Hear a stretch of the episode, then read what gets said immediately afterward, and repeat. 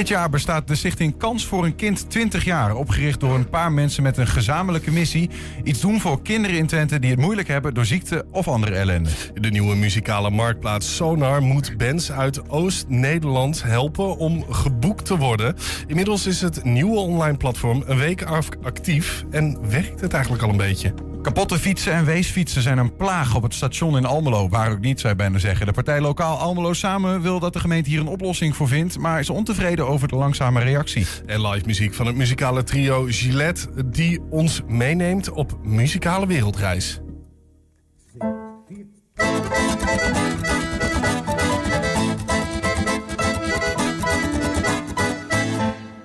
Het is dinsdag 11 april, dit is 120 vandaag. 120. 120 vandaag. Ja, dit jaar bestaat de stichting Kans voor een Kind 20 jaar. Opgericht door een eh, paar mensen die met een gezamenlijke missie hadden. Iets doen voor kinderen in Twente die het moeilijk hebben door ziekte of door andere ellende. Een van de oprichters destijds was Willem Hoevers. Zelf toen ernstig ziek zag hij in het uh, Groningse ziekenhuis kinderen die er misschien nog wel slechter aan toe waren. En daar ontkiemde het zaadje. Willem, goedemiddag. Goedemiddag. Dat klopt hè? Ja, ja, ja nou, het is een van de. Een van ik de... ben een van de oprichters, maar ik was niet meer ziek toen ik het oprichtte. Oké. ik had al voor de tijd uh, was het bij mij al uh, ontsproten in mijn brein van uh, als ik hier, ik had een slechte levensverwachting, als ik hier uitkom, dan, dan ga ik wat doen voor kinderen die ik zag toen ik eigenlijk door, over, door het ziekenhuis wandelde en veel op kinderoncologie kwam. Ja. En al die kindjes zag die ook chemotherapie hadden.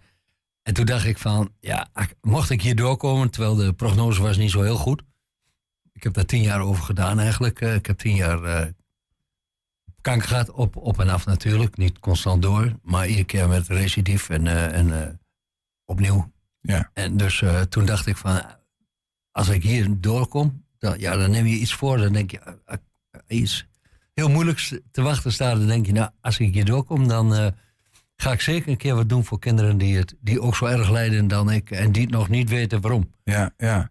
Maar als je het zo zegt, je hebt ook wel eens dingen dat je zegt... als ik hier doorkom en dan beloof je jezelf wat... waar je dan later spijt van krijgt en je denkt... oh, wat haal ik me op de hals. Is dat in dit geval zo of niet? Nee, nee, nee, want tien jaar later kwam... Uh, tien jaar later kwam uh, Arno, en uh, mijn veldhuis op mijn pad. En ik vertelde ze van, van wat ik me ooit voor had genomen. En ze zeiden ze, nou, dan gaan we je helpen. En zo eh, zijn we eigenlijk met z'n drieën begonnen de stichting op te richten. Ja.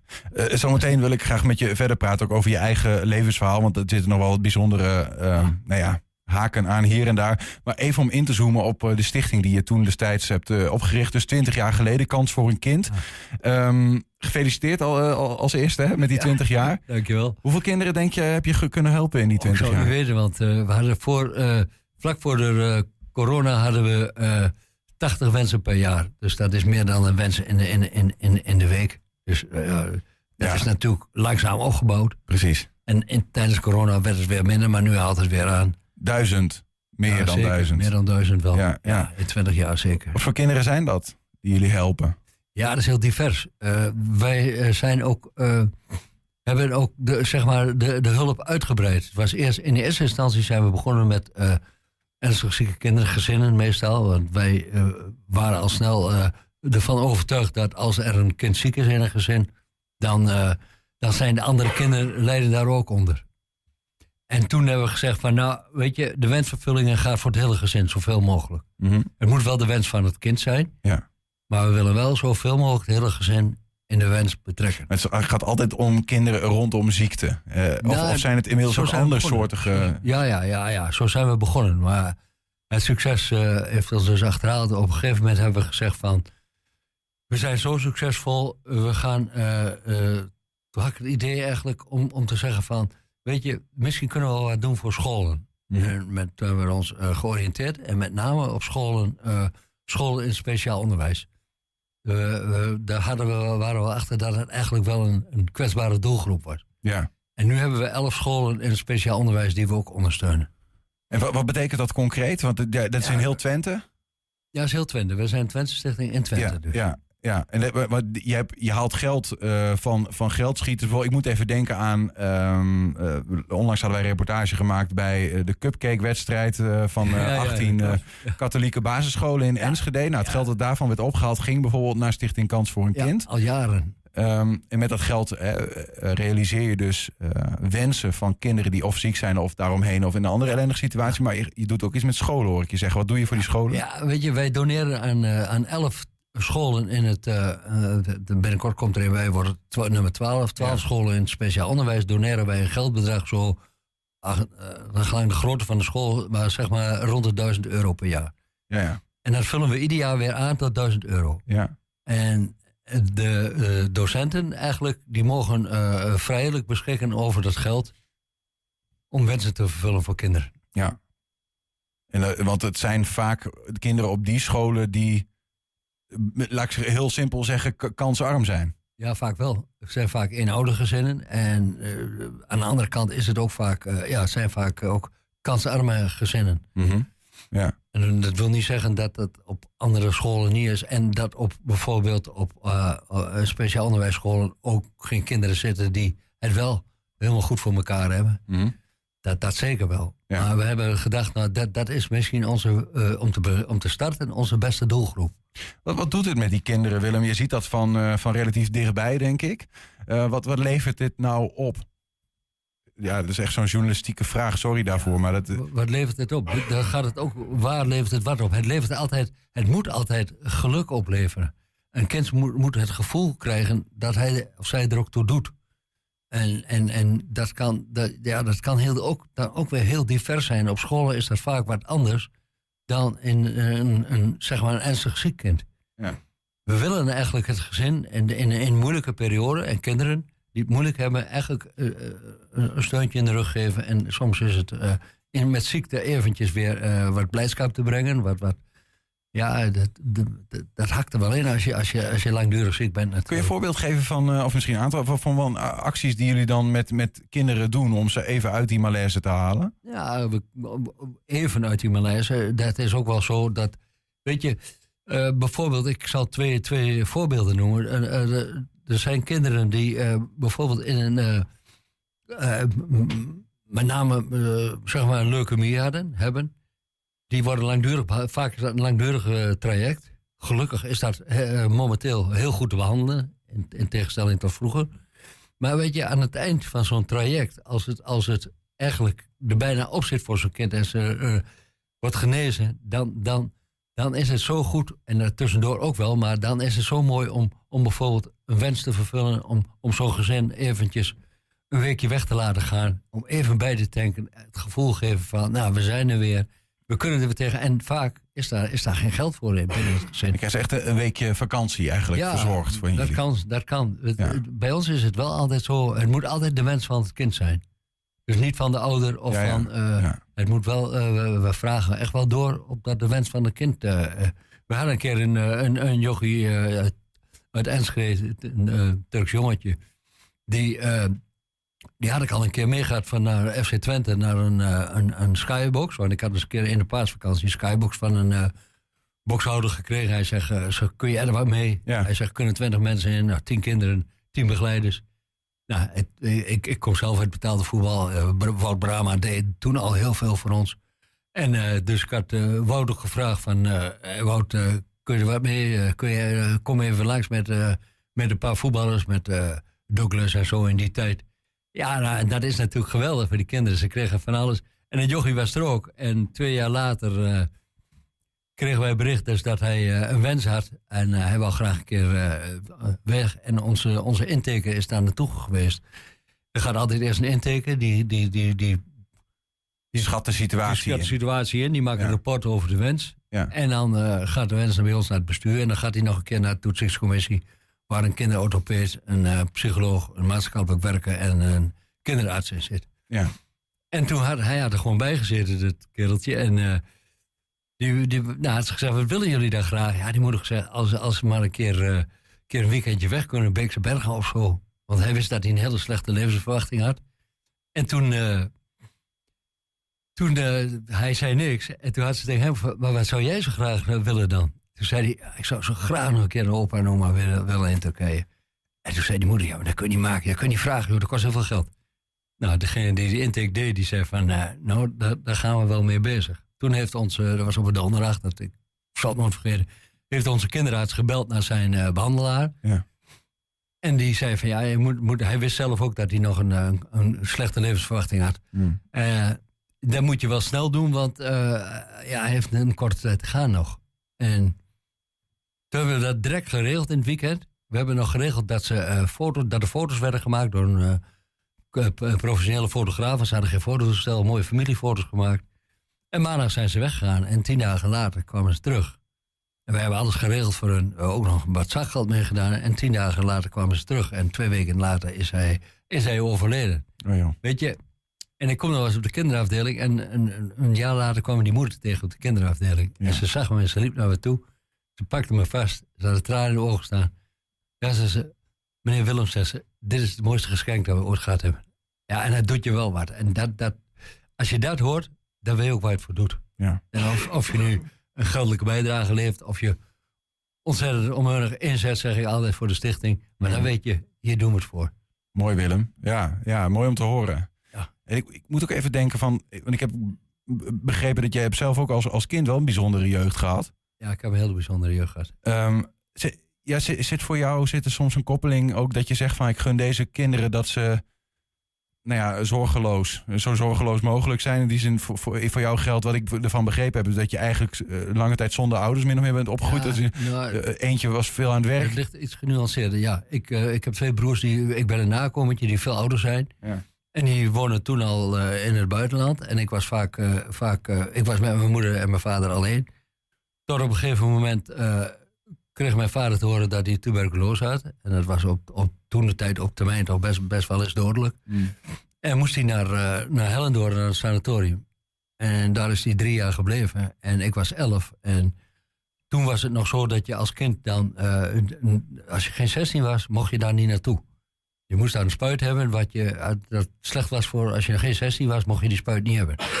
Dus ik heb mijn vader drie jaar niet gezien. En woensdag, zaterdags en zondags ging mijn moeder, eh, mijn moeder had geen, geen auto, ging met, met kennissen die ook daar iemand eh, in het sanatorium hadden liggen, en naar het sanatorium. Dus ik was altijd woensdag, zaterdags en zondags al alleen. Ja, En door de week, mijn moeder werkte hele dagen. ja. Dus ik, ik zag mijn moeder dan pas avonds weer. En s ochtends als ik uit bed kwam, eh, een broodje eten. Tussen de middag had ik alleen. En eh, zo, eh, zo zag mijn jeugd uit van mijn elfde tot, mijn- tot, mijn- tot mijn veertiende. En dat, dat heeft wat...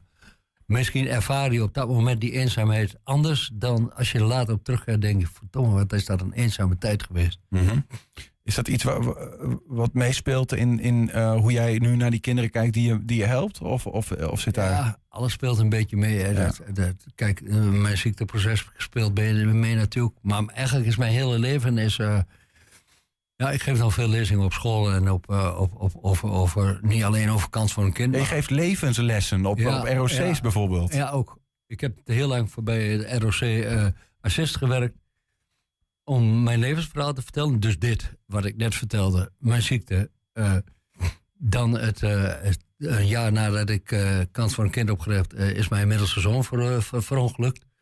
Dus dat hakte er ook wel in. En eh, weet je, ik vertel dan over, over alle tegenslagen en alle verdriet en pijn die ik heb gehad. En op een gegeven moment heb ik tegen mezelf gezegd van...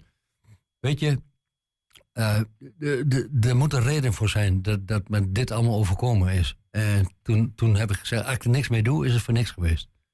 Dus toen heb ik toen de knop omgezet en ja, eh, voor mezelf bedacht van, ik moet anderen daarmee helpen. Ik moet vertellen wat bij mij gebeurd is. En wat ik nu doe, en ik laat ze dan, dan en dat is natuurlijk heel mooi, een film van Kans voor een Kind zien. Kijk, ik zeg, na al die ellende hebben we dit, dat, trouwens toen wij zo'n verongelukte had ik de stichting net al, al opgericht. Na al die ellende eh, heb ik toch nog wat met mijn leven kunnen doen. Ja. En ik probeer dan jongeren te vertellen dat er altijd kansen in je leven zijn. Ja. Als je maar eh, probeert de, de, eh, de, de regie over je leven te pakken, dan kun je ook je lot bepalen. Ja, is, dat, is, dat, is dat het? Dat je zelf op een gegeven moment de regie hebt gepakt en gezegd: wa- wa- Ja. hoe laat ik het bijdragen? Of hebben die dingen ook gewoon je. Ja, heeft het leven jou geleid in alles Ja, wat er op je pad kwam? Zeker, ze heeft het leven mij geleid. Bijvoorbeeld, ik ben nooit, nooit meer dezelfde geweest als toen mijn zoon verongelukte. Mm. Ik voelde al dat ik anders was. Dat ik, een, ja, het leven was in, in nooit meer, met name de eerste jaren, eh, wa- was het net of ik door een matglas naar buiten keek. De, de, zon scheen voor mij nooit meer zoals hij ooit geschenen had. En dat probeer ik er wel in te leggen. Ik denk wel van, ja, als ik dat niet deel met anderen. En ik kwam er ook achter dat ik toen er wel eens over schreef. En dat mensen eh, die zelf een kind verloren hadden, daar zoveel in herkenden en daar steun uit haalden. En zeiden van, jee, dat herken ik. Dat, eh, weet je, je geeft dan ook het gevoel, dat probeer ik jongeren ook te geven. In al je ellende sta je er nooit alleen Ja, in. ja. Als je maar durft te delen. Want dat is, dat is ook een groot goed wat ik probeer te leren. Om, om te delen wat je, wat je overkomen is. Ja. Of om te delen wat je op dat moment voelt. Ik zeg daar ook in klassen. Kijk eens om je heen als, als, als kinderen. eh, als je het idee hebt dat, dat een kind het moeilijk heeft ergens mee. Probeer eens eh, eh, contact te zoeken. De, de, de, de rouw die voor jou op dat moment er zo diep eh, in insneed... dat je jarenlang door het mat glas keek... eh, laten zien van hey, als je ook door het mat glas kijkt... eh, ik kijk met je mee. Maar ook, is er, zit, daar ook, zit daar ook iets in van... ik sta nu op een plek waar het voor mij weer beter is... waar het glas weer helderder is geworden... Ja, dat wel. Of Dat blijft het op de. Ja, nou ja, goed, het is bijna een open deur hoor. Maar ik kan me voorstellen, zeker in de situatie met jouw zoon. voor ongeluk door een vuurwerkongeluk, geloof ik, hè? Ja. De, het is extreem ehm, plotseling gebeurd. Ja. Eh, dat, dat, dat dat voor altijd op de achtergrond blijft, blijft zingen. Ja, het blijft altijd. Ik, ik, er, is ge- er is geen dag dat ik niet aan hem denk. Ik praat ook altijd nog over met hem. Eh, het is mooi. Ik heb altijd het gevoel. Ja, ik, ik ben zelf vanuit mijn, eh, vanuit mijn geboorte al hooggevoelig. Niet dat ik het altijd heb geweten, maar op een gegeven moment kwam dat er wel uit. Dat ik anders reageerde soms als andere kinderen.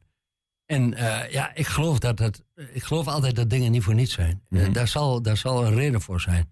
En het mooie is dat ik het gevoel had dat ik dat, ja, dat, dat hij altijd nog een beetje bij me was. Ik kreeg soms wel, en, en als ik daarover spreek, ja, wel men, eh, ik heb een keer gehad in, in, een- in, op, een- op, op, op, op het ROC dat er een, een jongen, een beetje een hooligan zat, die zat zo gewoon. en ik vertelde, de, de groep zat zo rondomheen en die, die vertelde ik over mijn zoon. En dat ik nog, voor mijn gevoel nog wel eens contact met hem had. En dan zat er een, een, grote kerel, echt zo'n hooligan onder, onder, onder de tattoos en zo. En die had een, een blikje eh, eh, energiedrank. En Alice, die, waar ik dan, daarmee samenwerkte bij het ROC, die stootte hem aan en zegt, kijk eens nou. En hij drukte zo met één hand dat blikje helemaal, helemaal, helemaal, helemaal tot, tot moest. Ik zeg, joh, wat is er? Hij was helemaal, eh, en toen had ik het over mijn zoon. Hij zegt, zie dat nou verdomme niet? Zie dat niet? Hij staat achter hem.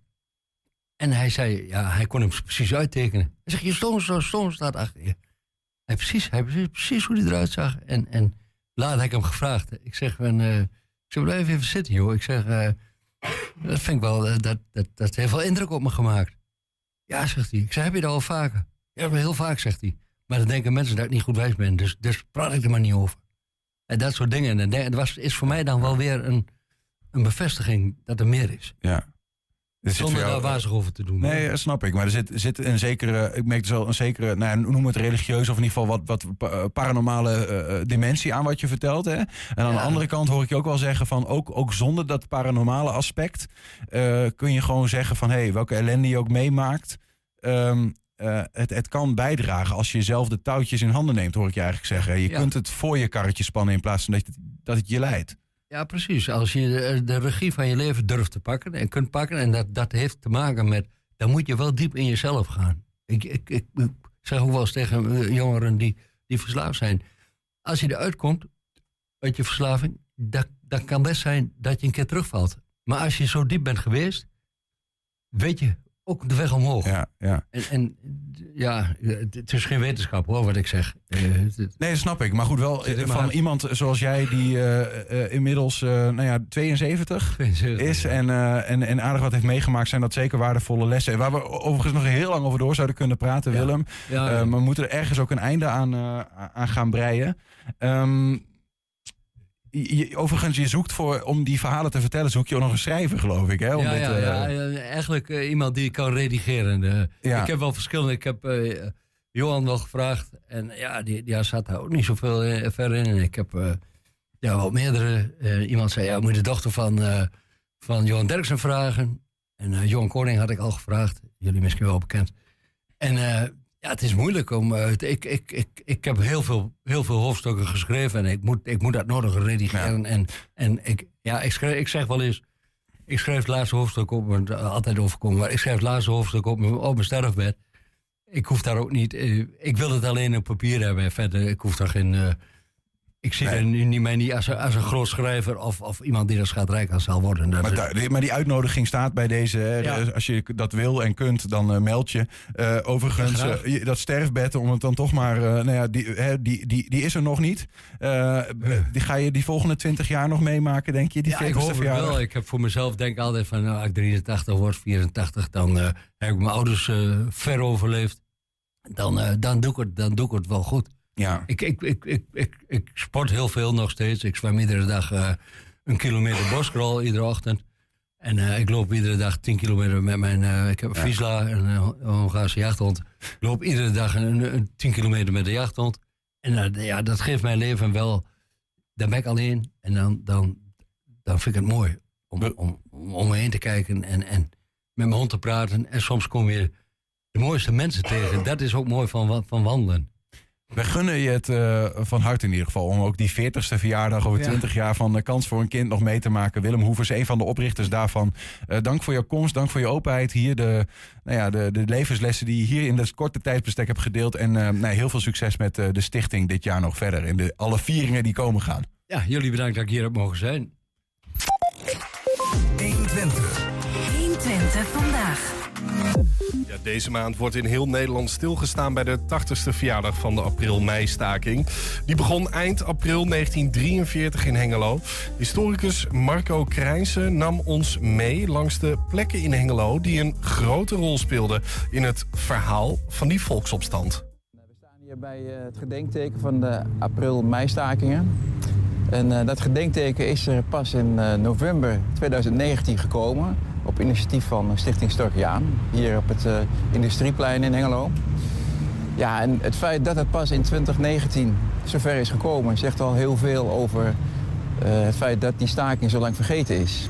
Eh, als je nu op straat eh, rondvraagt bij Hengeloers... dan gaat er misschien een lichtje branden inmiddels. Maar de kans is vrij groot dat veel mensen niet weten... wat die staking eh, was en waar die was en hoe die is verlopen. En eh, dat hebben we met dit gedenkteken in ieder geval een begin willen maken... bij dat eh, historisch besef. Ja, en de gieterij was het kloppend hart van, van de machinefabrieken. Want hier werden alle onderdelen gegoten voor de machines, voor de pompen en voor allerlei andere bedrijfsonderdelen. Ehm, ja, die gieterij, dat was ook een plek waar heel veel mensen werkten en waar natuurlijk ook moest worden gestaakt. En eh, stakingsleider Chitter Roda die fietsen langs allerlei verschillende afdelingen om mensen aan te sporen te gaan staken. En eh, ja, ook hier kwam hij op zijn fiets langs en eh, moedigde aan om de boel op te ruien. Jongens, die moeten de boel opruien. Dat woorden van gelijke strekking vertelde, of riep hij hier. Ja, wat nu een parkeerplaats is, eh, was in 1943 eh, eh, het hijsgebouw. Ook een bedrijfsonderdeel van Stork. En in dat hijsgebouw daar vond een, op 19 mei 1943 een bijzondere bijeenkomst plaats. Sijs Inkwart, eh, de hoogste vertegenwoordiger van Hitler in Nederland, kwam hier op bezoek om een propaganda speech te houden. Eh, het was een heel duidelijke boodschap. Hè. Waarom kwam hij hier naar Hengelo en in een storkgebouw? Dat was maar om één reden. Om duidelijk te maken dat die staking die hier twee weken eerder was uitgebroken... en eh, was uitgewaaid over de rest van Nederland... dat zoiets niet weer mocht plaatsvinden. Eh, bijzonder was ook dat die hal vol zat met, eh, ja, met, met NSB'ers, met pro-Duitse aanhangers, ook met Duitse arbeiders. Er was bijna geen Storkiaan te bekennen. Ja, het politiebureau eh, stond eh, oorspronkelijk op een andere plek, maar wel aan dezezelfde straat, de Marskant. En eh, daarom is ook voor dit politiebureau een borstbeeld te zien van Frits Loep. En Loep was een ingenieur bij Stork, slachtoffer van die april-mei-stakingen. Maar gek genoeg niet zelf een actief staker geweest. Het was eigenlijk een, zou je kunnen zeggen, een willekeurig slachtoffer. Hij eh, was eh, ten tijde van de staking zelfs eh, niet in Hengelo. En ehm, is opgepakt op, eh, op 4 mei, en, op het eind van die staking. En de Duitsers wilden heel duidelijk ja, maken dat nou, die staking echt niet kon. En ehm, hij is toen ter dood veroordeeld ehm, via het standrecht. Nou, dat was natuurlijk geen eerlijk proces. Ja, als je bij het zien van deze reportage denkt... goh, ik zie weinig gebouwen uit die tijd. Dat kan kloppen. De oorspronkelijke storklocatie zijn of verdwenen... of onherkenbaar gerenoveerd. En ook het politiebureau uit die tijd is gesloopt. En op die plek is een nieuw gebouw verrezen. En wil je meer weten over het onderwerp... in talkshow Hengelo Spel... besteden we aankomende maandag volop aandacht aan de april-meistaking. Dus zometeen de nieuwe muzikale marktplaats Sonar moet bands uit Oost-Nederland helpen om geboekt te worden. Inmiddels is het een nieuwe online platform een week actief.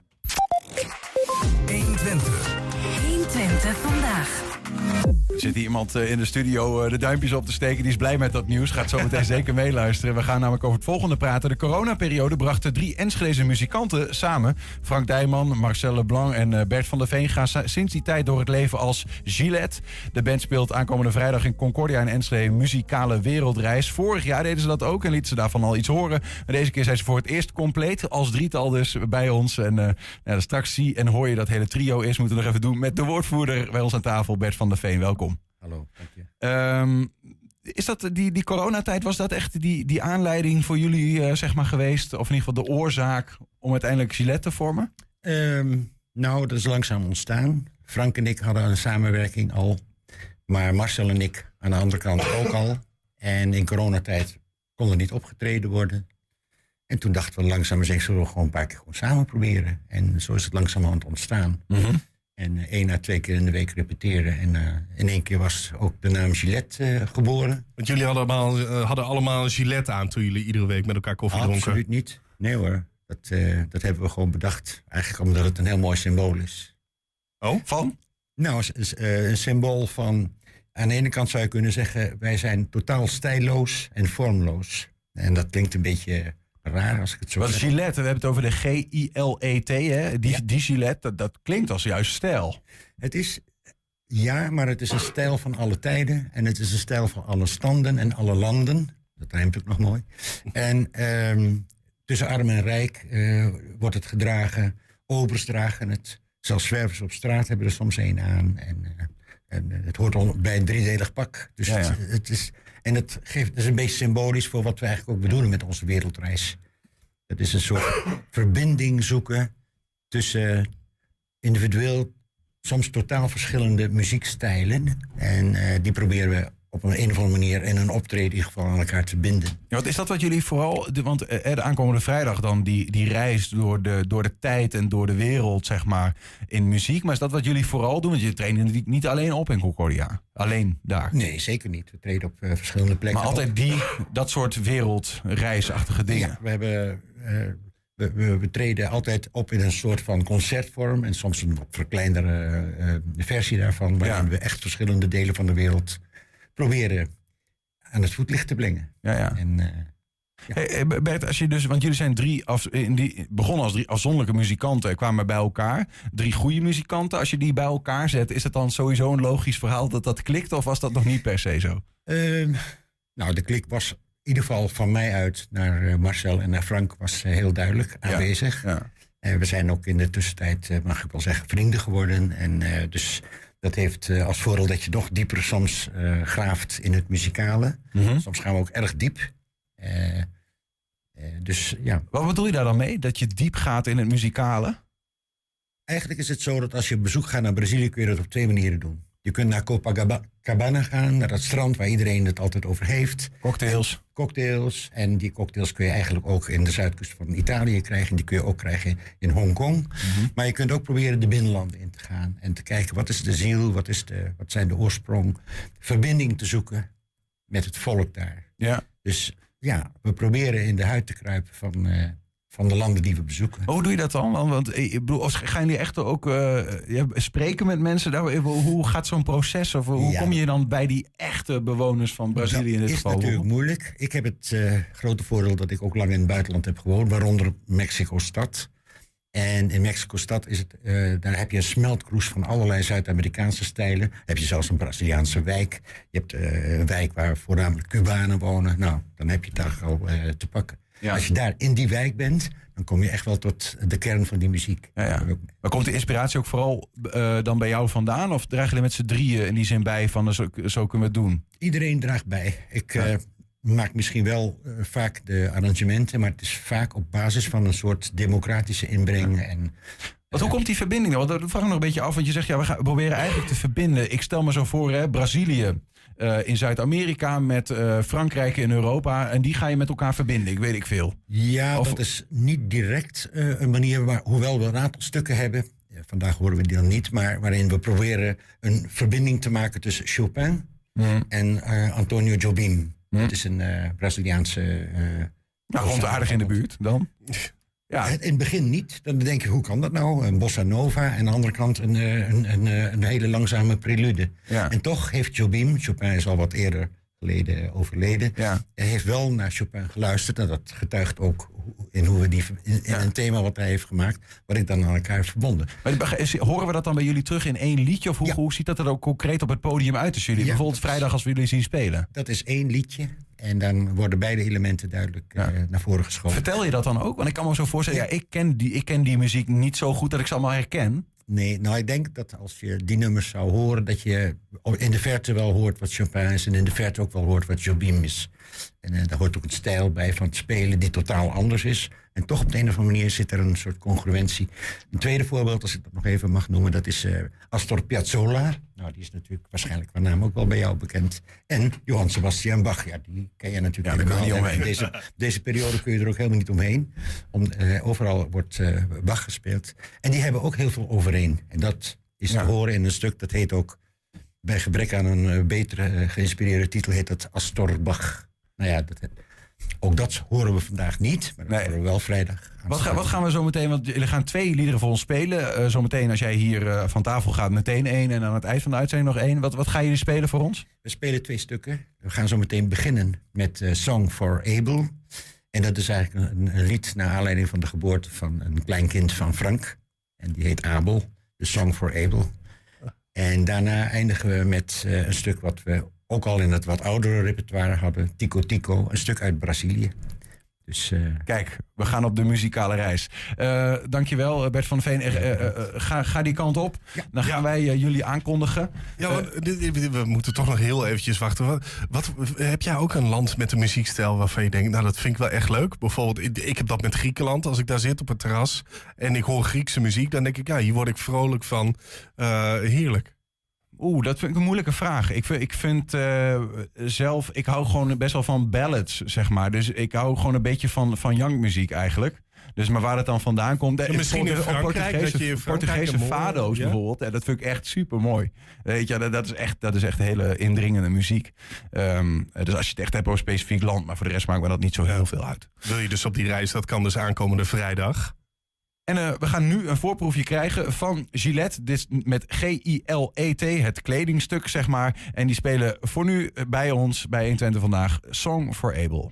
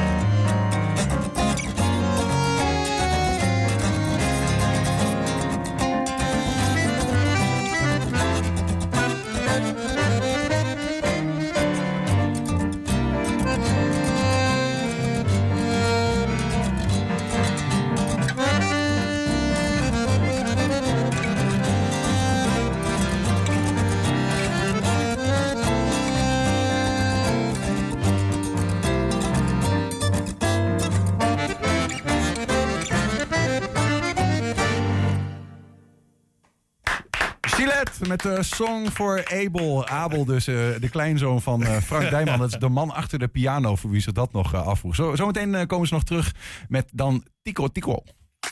En we zijn ook als podcast te beluisteren via alle bekende platforms. Je vindt daar hele uitzendingen op 120 Vandaag. En ook één item uitgelicht op 120 Vandaag uitgelicht.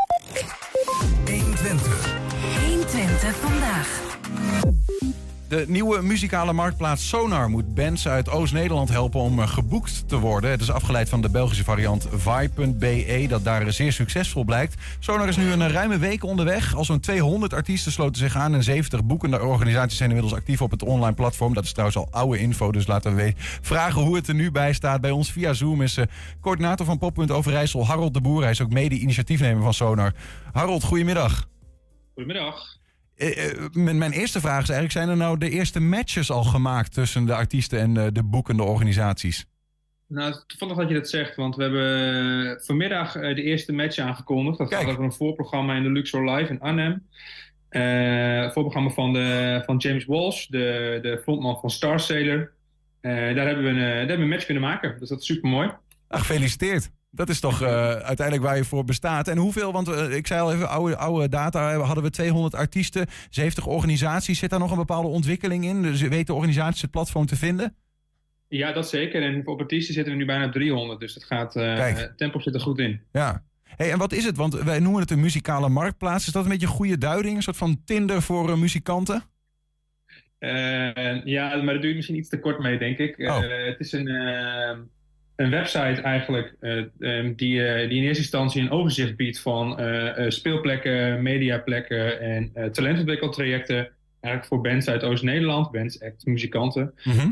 initiatief van Poppunt Overijssel en Poppunt Gelderland. Met dus daarachter het hele netwerk van poppodia, ontwikkelinstellingen, festivals. Die doen eigenlijk altijd al, waren eigenlijk altijd al op zoek naar muzikaal talent. en die vroegen dus andere mensen van, hey, weet je nog iemand die hier niet kan spelen? Of ken je nog een artiest voor mijn voorprogramma? Daar ging het eigenlijk altijd over uh, aan diegene wie het vroeg, wie diegene kent of in wie, wiens netwerk diegene zit. Uh, dat breken we nu open. Nu verzamelen we alles op één plek en dan kan iedereen kan erop reageren. Uh, en zodoende gaat het veel meer over wat je doet dan om wie je kent. En dat snap ik, hè? want je, je brengt meer, uh, je bent een soort makelaar. Je brengt vragende en aanbiedende partijen bij elkaar, waar het eerder misschien was van ja, wie ken ik? Uh, en die, die, die neem ik mee. Uh, en faciliteer je dan puur die bijeenkomst, of heb je ook nog een bepaalde rol in de totstandkoming van overeenkomsten tussen die twee partijen bijvoorbeeld? Nee, wij zorgen alleen voor de, de match. Dus wij zorgen ervoor dat een partij, we doen het ook heel actief, gaan we daar op zoek, een soort van een, een plek biedt voor talent. Dus uh, wat we bijvoorbeeld ook uh, met verschillende festivals doen, dat zij uh, bepaalde plekken in hun programma gaan beschikbaar gaan stellen voor artiesten uit Oost-Nederland.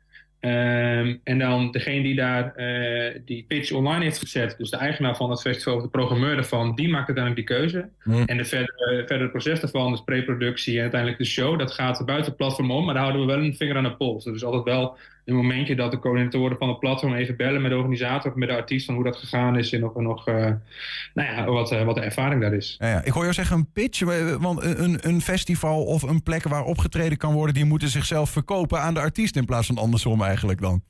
Exact, en dat is het mooie van dit platform. Je hebt meerdere natuurlijk platforms waarbij, waarbij je databases aan muzikanten hebt. Uh, uh, noem een uh, Kickstarter of noem ze maar op. Waarbij het hele gaat vanuit de muzikant. Die maakt een profiel aan en die zegt van nou ja, ja, wie ben ik? Ik ben nu vindbaar, dus doe er maar wat mee. Uh, het gaat hier heel erg om de, vanuit de organisaties. Dus podia, festivals, ontwikkelinstellingen gaan hier specifiek op zoek naar artiesten uit Oost-Nederland. En uh, zij zetten de pitch online, zetten, zetten de pitch uit en schetsen de kaders. Ja. De muzikanten die daarvoor geschikt zijn en daar willen spelen, die kunnen daar dan op reageren. En vervolgens uh, krijg je honderd muzikanten die zeggen: hey, mooi, een gig daar, ik ga, ik ga me inschrijven. En dan, wat gebeurt er dan? Nou ja, die 100 muzikanten komen weten nu ook wel vaak de mailbox van die programmeur te vinden. Uh, en dan wordt het een. Uh, een goed voorbeeld voor, ook voor Luxor Live. Uh, die eerste match die we nu gemaakt hebben, de programmeur zegt ook van... ik kondig een show aan in mijn podium... en dan krijg ik tientallen mails van bands die wel in het voorprogramma willen spelen. En op het moment dat dat voorprogramma daar ook echt is... en ik mag van de, de boeker daar ook een voorprogramma neerzetten... moet ik terug in mijn mailbox, alle mensen gaan benaderen. Super ingewikkeld. Als ik nu een spot heb in het voorprogramma... dan plaats ik hem op Sonar en dan kunnen mensen op reageren. Eh, en op die manier is de keuze maken veel makkelijker. En er zit een hele handige tool voor organisatoren aan de achterkant om een keuze te maken. Een soort van jury-tool waarbij ook andere juryleden kan uitnodigen en ook een beoordeling kan geven. Waardoor dus eigenlijk je nou ja, automatisch de beste act voor jouw plek naar boven. En is dit voor, want het, klinkt wel gewoon echt, het klinkt aan de ene kant als, als een fantastisch initiatief, aan de andere kant ook als iets waarvan ik denk, waarom was dit er nog niet? Hè? Het is een hele gemakkelijke ingang voor beide partijen en je regelt het eigenlijk voor ze in plaats van, nou ja, dat ze allemaal het zelf moeten uitvinden met eigen websites en dingen. Exact, ja, dat is, de, dat is de vraag die iedereen stelt. Waarom, waarom was dit er nog niet eigenlijk? Nu, het, nu we weten dat het er is, van waarom hebben we dit niet eerder gedaan? En dat komt denk ik voornamelijk omdat er er is een partij nodig die dit initieert. Zeg maar. je hebt aan de ene kant heb je de muzikanten, aan de andere kant heb je de organisatie. Die zijn zo versplinterd bij elkaar. Er is niemand die dat in die zin bij elkaar brengt. En die popkoepels, zoals Pop het Gelderland en Pop het Overijssel, die hebben die functie wel. Uh, en die kunnen dat soort uh, ontwikkelingen wel in gang zetten. En het, ja, in België werkt het al, draait het al 15 jaar en dat is een ontzettend succes. Ja, met 21.000 artiesten begreep ik daar op het platform. Ja, ruim 20.000 artiesten die uh, daar een profiel hebben gehad op dat platform. En het gaat niet om de minste, dat gaat ook over Bazaar, en het gaat over Tamino en Charlotte de Witte en noem ze maar op die uh, vroeg of laat in hun carrière via dat platform uh, ja. uh, mogelijkheid hebben gehad om ergens te spelen of zich ergens te ontwikkelen. Hey, ik hoor jou zeggen poppunt Overijssel en poppunt Gelderland, dus laten we zeggen mm Oost-Nederland. Um, ja. waarom eigenlijk beperkt tot die? is, betekent dat dat alleen artiesten uit het oosten van Nederland kunnen meedoen? En, en waarom eigenlijk alleen daar? Ja, dat is nu, uh, nu wel hoe dat geregeld is. Uh, organisaties uit heel Nederland kunnen een pitch plaatsen, dus ook uh, landelijke organisaties. Maar de, de, de, doelstellingen van de beide poppunten zijn om de, de, de positie van de, nou ja, de Oost-Nederlandse maker eigenlijk te verbeteren. Ja. en die, die, die beste kansen te bieden. Dus in die zin, daarom zijn, gaat het nu over Oost-Nederlandse artiesten. Dus die, die kunnen alleen nu reageren op het platform. maar ik weet nu al, er is ontzettend veel animo vanuit de rest van het land ook. ik, ik, ik ik zie dit wel een, uh, nog wel een keer een groei maken. Maar we zitten natuurlijk net, we zijn net tien dagen online. Uh, we zitten in een pilotfase. We moeten allemaal opnieuw, uh, opnieuw gaan ontdekken. Dus die ja. match maken van vandaag was natuurlijk hartstikke spannend. Hoe gaat dat en hoe werkt dat? Um, en wie weet, als er genoeg animo is en andere partijen willen zich aansluiten, dan kunnen we daar natuurlijk altijd over, over meedenken. Want dit bestaat in, um, laat ik zeggen, omgeving Groningen, Amsterdam, Den Haag. Bestaat dat nog niet? Nee. nee. Nee, er is niet zoiets als uh, dit. Zeker niet uh, gedragen door zo'n breed, uh, ja. breed netwerk aan, aan, aan partners, aan een podia. Ja. Je hebt natuurlijk wel wat andere sites, hè, ook de sites die ik net noemde, die dus, die dus heel erg vanuit de muzikant redeneren. Dus maak maar een profiel aan en dan kan een programmeur kan daar ergens in zoeken of een band vinden. Maar dat, dit, dat, gaat, dat is veel passiever. Dit is ja. heel actief. hier moet de organisatie, het, het, het, het, culturele werkveld, zeg maar, de, de popsector moet hier aan de bak. En dat is wel mooi. Het heeft natuurlijk, dat heeft natuurlijk twee kanten. Hè. Het is mooi dat Oost-Nederland het voorland misschien wel kan zijn van een hele andere manier van um, nou ja, totstandkoming van contacten tussen boekers en muzikanten. Uh, andere kant van het verhaal is, uh, is de nood hier, dat is misschien ook meteen een vraag, is de nood hier misschien hoger dan, dan in het westen des lands? Nou, ik denk niet dat het zozeer over nood gaat. Ik denk dat we, waar we heel erg goed in zijn in Overijssel, maar ook in, in Oost-Nederland, dus Gelderland en Overijssel, is dat wij heel goed elkaar weten te vinden als het gaat om samenwerking. We zijn natuurlijk in, in principe ook concurrerende podia van elkaar. Hmm. Maar de talentontwikkeling hebben allemaal net zozeer hoog in het vaandel staan. En daar kun je juist heel mooi die samenwerking op zoeken. En sinds een aantal jaar is er een uh, convenant in Oost-Nederland. dat heet van basis tot booster.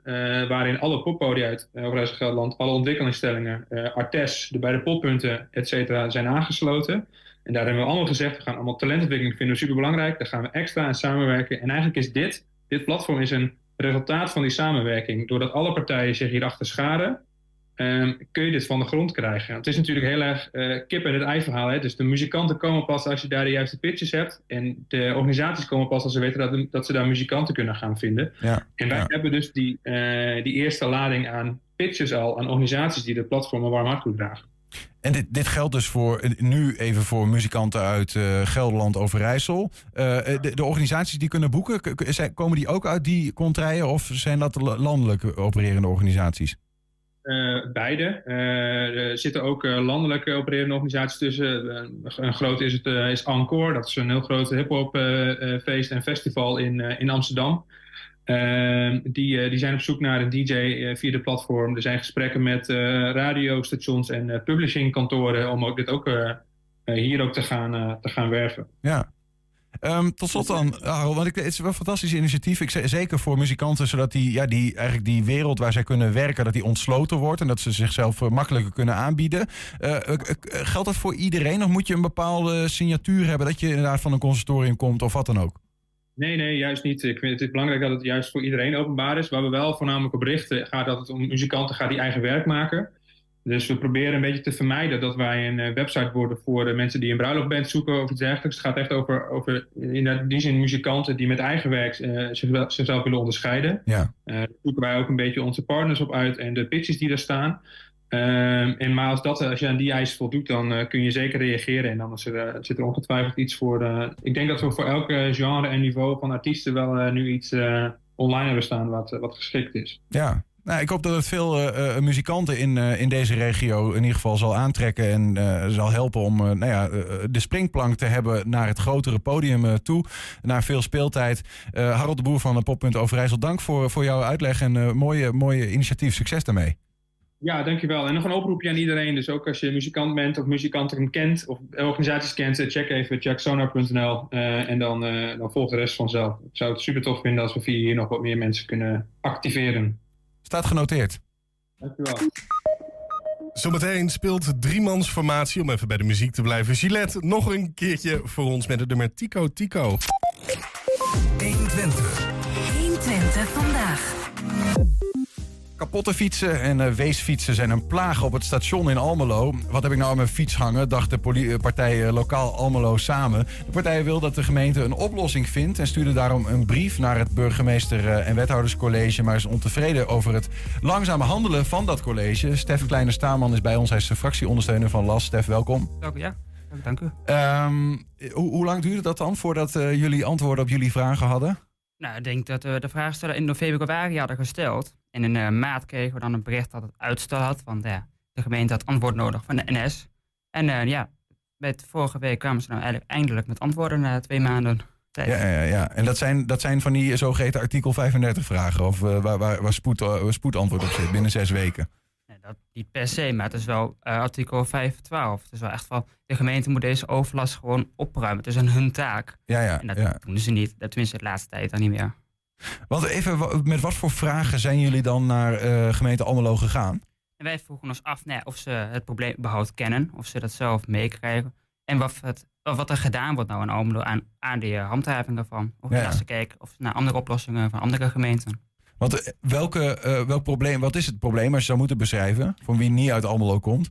Nou, op de station, bij het, allebei de kanten van het uh, ja, Centraal Station van Almelo, daar staan kapotte fietsen en weesfietsen die er al best wel lange tijd staan. En die worden niet opgeruimd, waardoor fietsplekken dicht bij het uh, nou perron gewoon bezet worden door fietsen die, van niemand eigenlijk meer. Mhm.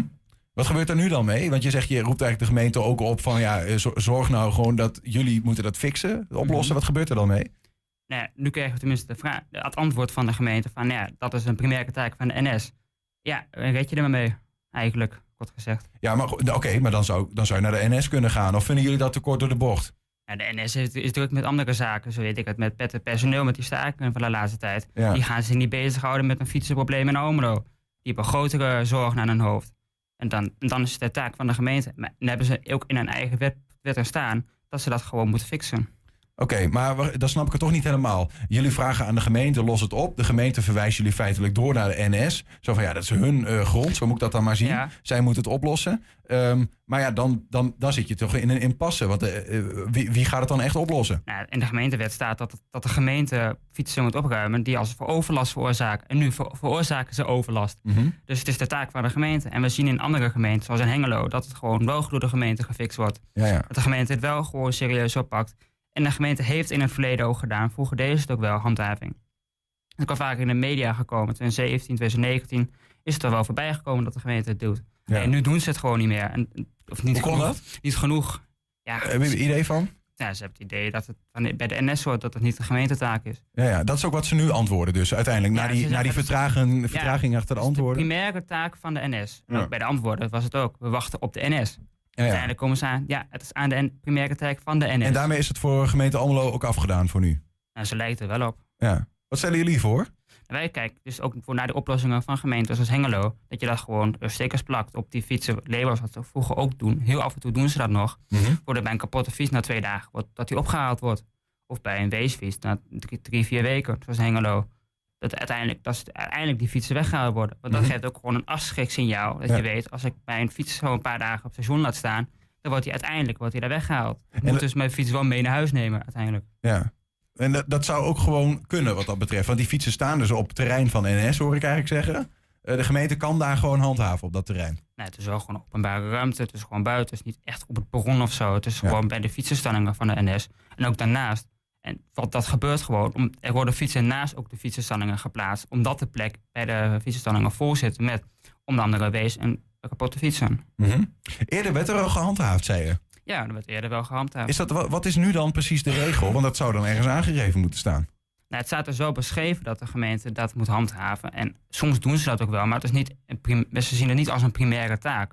Dus het is echt, als er niets te doen is, dan wordt het vaak wel gedaan. Dan wel. Ja. Maar gewoon, meestal wanneer het gewoon druk is en in Almelo is er altijd wat te doen, dan wordt het gewoon niet gedaan. Of weinig. Ja. Maar op basis van welke regel dan? Want ik geloof even samengevat Ja. wat jij net zegt, is je hebt eigenlijk drie soorten fietsen. Eén, je hebt de fiets die niet op de plek staat waar die zou moeten staan op het station. Ja, die moet wat jullie betreft binnen één dag, die krijgt een label, staat die nog steeds Zoals binnen in één dag weg. geregeld, ja. In, zoals in Hengelo. Je hebt een fiets die is kapot. Die krijgt ook een label. Binnen twee dagen niet weg. Hutsakee, weg ermee. Je hebt een fiets die staat er gewoon, die is prima. Maar die staat er 28 dagen lang. Weg ermee. Weesfiets wordt die dan genoemd. Ja, dat is een redelijke op aanpak om eh, nou ja, het probleem op te lossen. Ja, ja. En als het eenmaal gewoon gedaan wordt, dan zul je gewoon zien dat het aantal wezen een kapotte fiets ook gewoon afneemt. Want mensen weten, dan, ja, mijn fiets wordt weggehaald als ik hem te- lang laat staan. Mhm. Net als met een auto, als je het verkeerd geparkeerd gaat staan, word je ook meegeslepen. ja, ja. En bij een fiets hoort het dan ook gewoon zo te zijn. Ja, maar is dat dan, want ik- ik kan me bijna niet voorstellen dat het antwoord van, de, van het college echt is, ja, het is aan de NS. Als, als jij ook zegt van je spreekt ze eigenlijk aan op hun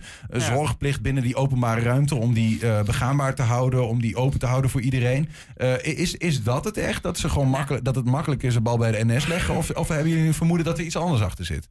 Nou ja, dus we spelen het vaak wel bij de NS. Vaak als iets met, met het met station is, dan spelen ze naar de NS. Nu ook. Dus gewoon, het is de primaire taak van de NS. Voor ons is het een bijtaak, maar het is gewoon de primaire taak van de NS. Ja. En daarmee, die moet het gewoon doen. Maar die doen het niet. Dus Ja. Maar, heb je, eh, maar stellen jullie dan de NS eh, vervolgens ook zo'n vraag? Of, of laat je hem eigenlijk bij het college? Van, ja, eh, eh, pakken jullie dat dan met de NS op? Want het is een taak van de gemeente om Ja. ervoor te zorgen dat er geen overlast ontstaat op Ja. bromfietsen of Maar wat doen ze daar dan mee? Want het college zou ook zelf in het gesprek met de NS kunnen gaan over dit probleem. Nou, ze zeggen het er zo te doen, maar ja, we zien het niet. Dat is het. Ja, ja. Ja, de fietsen staan er gewoon nog. Die feesten in kapot. Je ziet gewoon kapot. Oh, En, en, en nu dan, eh, Stef? Want, want eh, Ja. ga je dan zo oproepen in een motie dat je zegt van we geven je de opdracht om het eh, te fixen en om, we willen gewoon die oplossing zien die wij voorstellen? Of hoe ga je dit oplossen uiteindelijk? ja, we, dragen in ieder geval oplossingen bij de gemeente. En kijken of wat zij nou voor Almelo dan het beste vinden. Er zijn natuurlijk wel meerdere manieren om te doen. En ook met die dagen. Het kan natuurlijk ook altijd varia- variabel zijn. Uiteindelijk moet je wel de gemeente toch het idee geven. Kijk, dit kun je doen. Dit moet je doen eigenlijk. Omdat omdat er is een keuze is die je kunt doen om het op te lossen. Ja. En dat kan met een motie, maar dat hoeft niet per se. Want als gemeenteraad doe je dat niet heel vaak. Dat je dat op die manier doet. Nee, nee, maar je vraagt er echt gewoon als zij die vragen stellen dat de gemeente daar op een serieuze manier eh, mee omgaat. Maar goed, eh, dan nogmaals, kijk, kom wel weer in een situatie waarin zij zeggen, ja, dat doen wij. Wij zijn in gesprek met de NS. Ja. Het is hun taak. En als het nou niet wordt opgelost, wat dan?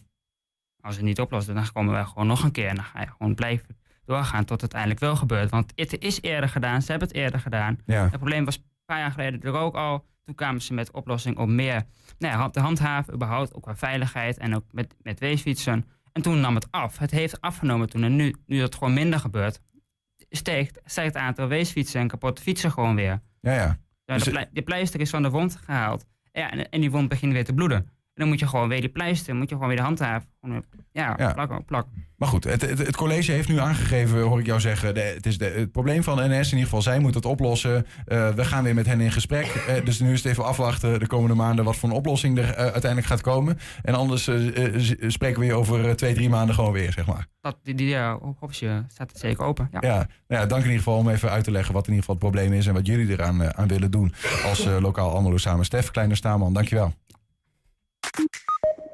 Heb je een tip voor de redactie eh, om eh, ons eh, te, over te laten vragen in dit programma of wat dan ook? En dat kan ons altijd eh, vertellen. Info.120.nl is dat geloof ik. 120. 120 vandaag. Ja, Ja, en dan nog één keer live muziek. Hier is Gillette met Tico Tico.